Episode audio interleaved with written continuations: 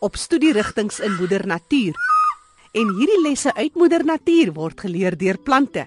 Hoor wat sê Chris van die kerk. Hy is die kurator van die botaniese tuin van die Noordwes Universiteit Potchefstroom kampus. Ek sê altyd vir die skole as hulle deur die botaniese tuin kom, dan sê ek vir hulle vergeet nou net van eers van die plante in terme van die mooi.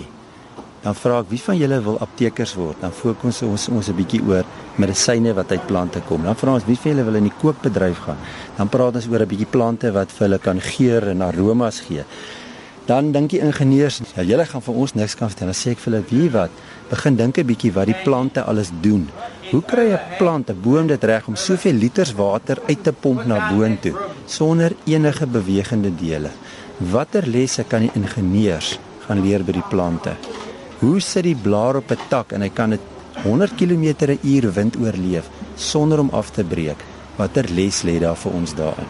En daar's baie voorbeelde wat ons al geleer het by die bye en by diere se die skibbe op die weet op die visse se velle hoe dit die aerodinamika of die vloeibaarheid in water verbeter ons en veral die nuwe geslag moet baie baie meer gaan kyk in die veld en in die natuur om ons probleme van nou op te los.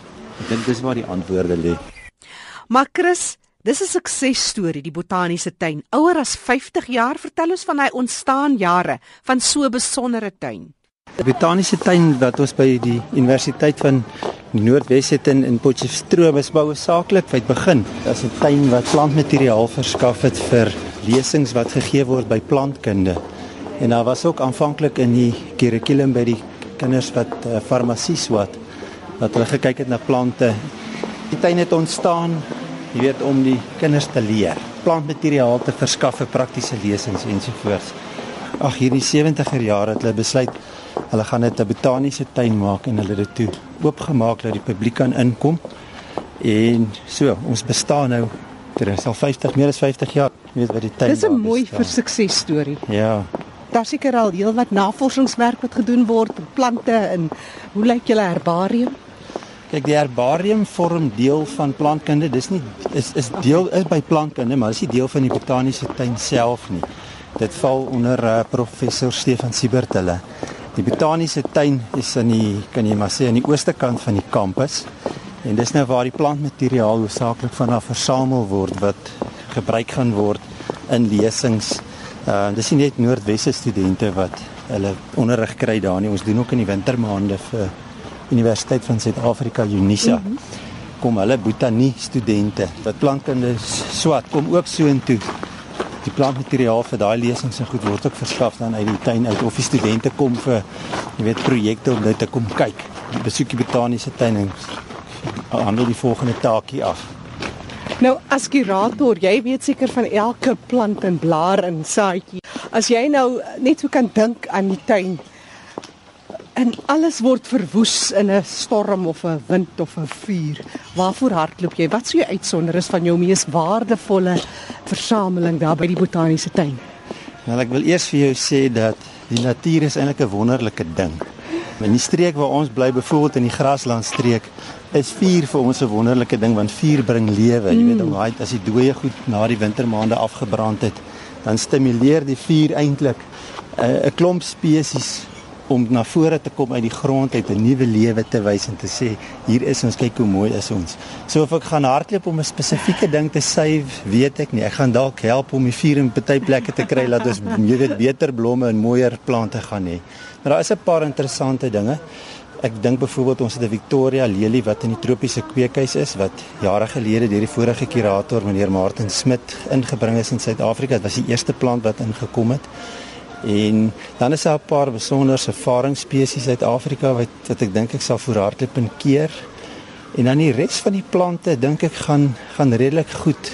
Jy weet, dit kan oorleef of vuur oorleef want nie net laat plante baat by vuur nie, dit loop mos altyd 'n spaarrekening. So as hy seer kry, 'n tak breek af of iets dan mm. loop hom mos nou maar weer 'n oogie uit en dan verras hy ons weer met lewe.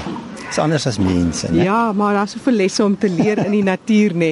En julle is juis nou praat nou van lesse wat geleer word by die uh, Noordwes Universiteit Potchefstroom kampus. Het julle 'n interessante inisiatief wat julle juis uitstal hier by Garden World. Vertel my meer, maar net interessant. Ek sien nou hier so so lekker 'n uh, belangrike boom in die ekosisteem wat sommer hier voor staan. Julle wil seker ook 'n punt maak. Ja, weet jy die hele gedagte met die met die stalletjie was gewees om ons staan nie in besigheid van landskap nie, maar die tuin, dit wat jy by jou huis kan doen, kan jy so omgewingsvriendelik begin doen deur te kyk na 'n paar interessante konsepte. Jy kan byvoorbeeld jou reënwater versamel, jy kan vir jou 'n stort daarmee maak. Jy kan byvoorbeeld reënwater in 'n dammetjie versamel waar jy deur middel van sonenergie pompie het wat die water sirkuleer wat jou niks kos nie. So die hele filosofie of die konsep agter hierdie stalletjie was gewees om die son te vat as die sentrale punt en dan As jy na jou linkerkant toe kyk, het ons al die plante. Dis verskillende plante, plante met medisonale waarde, plante wat as kos gebruik kan word. Hulle gebruik almal die son om daai prosesse te dryf en ons as mens kan dit dan gaan oes, het sy as gebruik vir medisyne of dan as 'n voedingsbron. Maar ons as mens kan dan ook gaan leer eintlik by die by die plante. Kom ons vat byvoorbeeld nou 'n voorbeeld. Hier het ons 'n produk wat kommersieel beskikbaar is waar die son se strale gefokus kan word tot op daardie pot wat in die middel van hom staan en hy kan binne 'n halfuur kan hy water of kos tot op kookpunt bring en hy kan 'n 'n maaltyd voorberei. So hoekom as jy baie tyd het, hoekom gebruik ons nie die energie wat die son vir ons gee nie?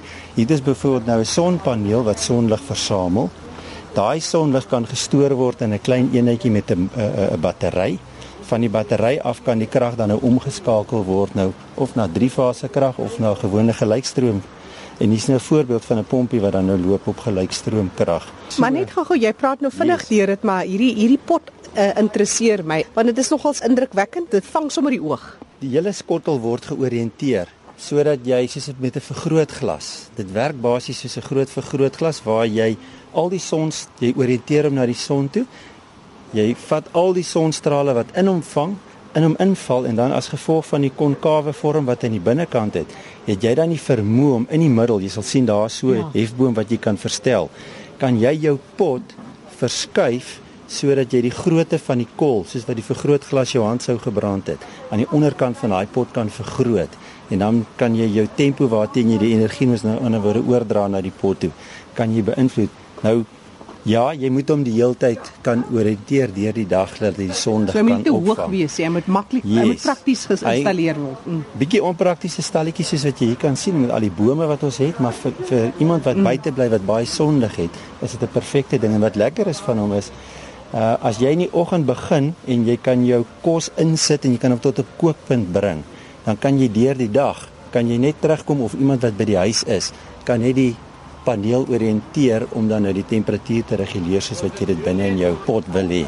Ek dink in byvoorbeeld in landelike gebiede of vir mense wat dalk bevoorreg is om 'n om 'n plaasie iewers te hê of 'n hmm. huisie in 'n afgeleë plek. Jy kan as jy byvoorbeeld na die houer kyk wat daar staan, hy het ja. nou 'n klein batterytjie binne in hom, maar hy stel jou in staat om enige 5 volt applikasie te kan herlaai, soos byvoorbeeld 'n selfoon of die uh, Walkman goedjies wat die kinders mee rondloop. Vir hoe lank? Ehm um, jy kan hom vollaai. Ehm um, hy gee vir jou ten minste 12 ure by uh, 7 ure 1 ampere of dan as jy laer as 1 ampere trek kan jy tot 'n jy weet 'n volle dag se 12 ure se se se gebruik van hom hê. Maar jy kan ook goed soos byvoorbeeld 'n lig binne in jou huis kan jy inprop op die onderkant daai swart sokke wat aan die onderkant het is om ligte te dryf of jy kan 'n groter eh, stel kry wat van byvoorbeeld 'n motorbattery afwerk.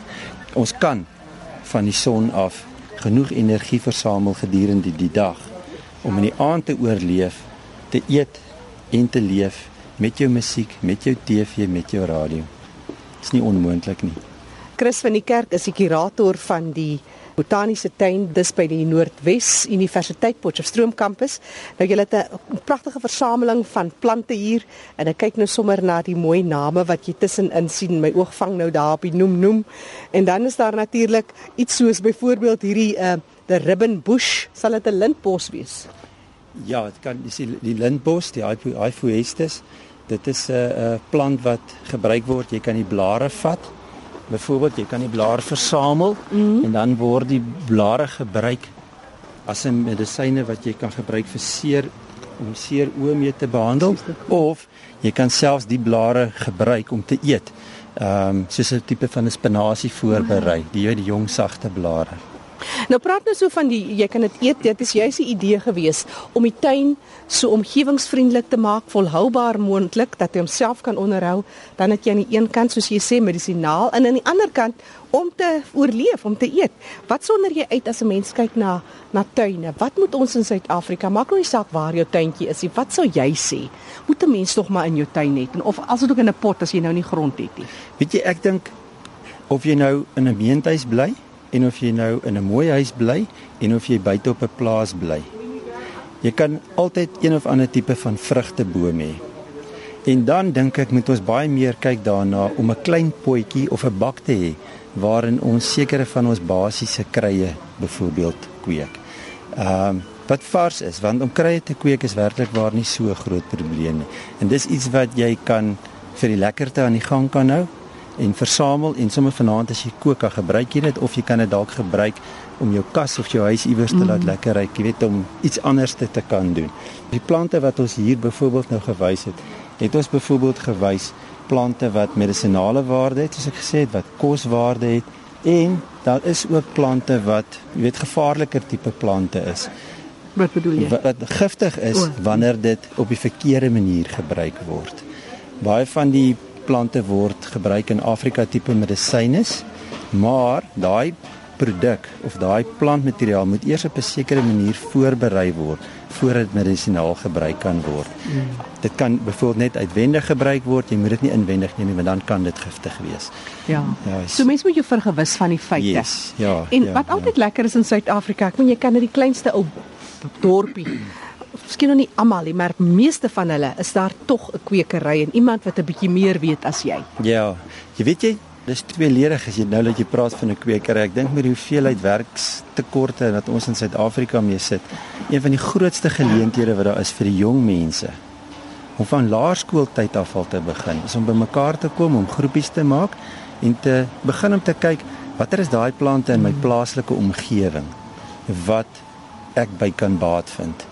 En dan begin hulle met 'n klein kwekerytjie by die skool, in die straat in die gemeenskap waar ek bly.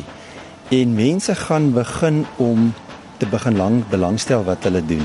En kort voor lank gaan iemand hulle kom en sê maar hoorie sou, kan ons nie by jou dit koop nie. Kan jy nie vir my soveel van daai een gee nie?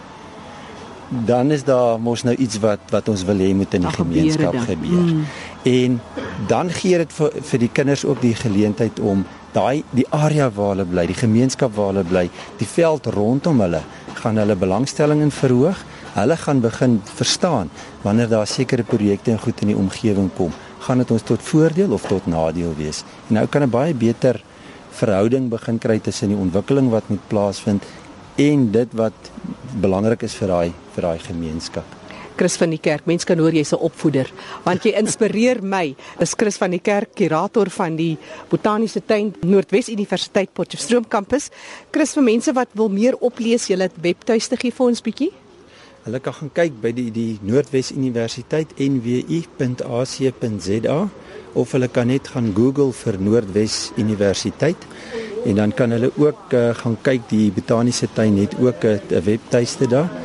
Hulle kan dit kry onder natuurwetenskappe by plantkunde. Chris van die Kerk, die kurator van die botaniese tuin, dis by Noordwes Universiteit Potchefstroom kampus. Die webtuiste net weer www.nwu.ac.za.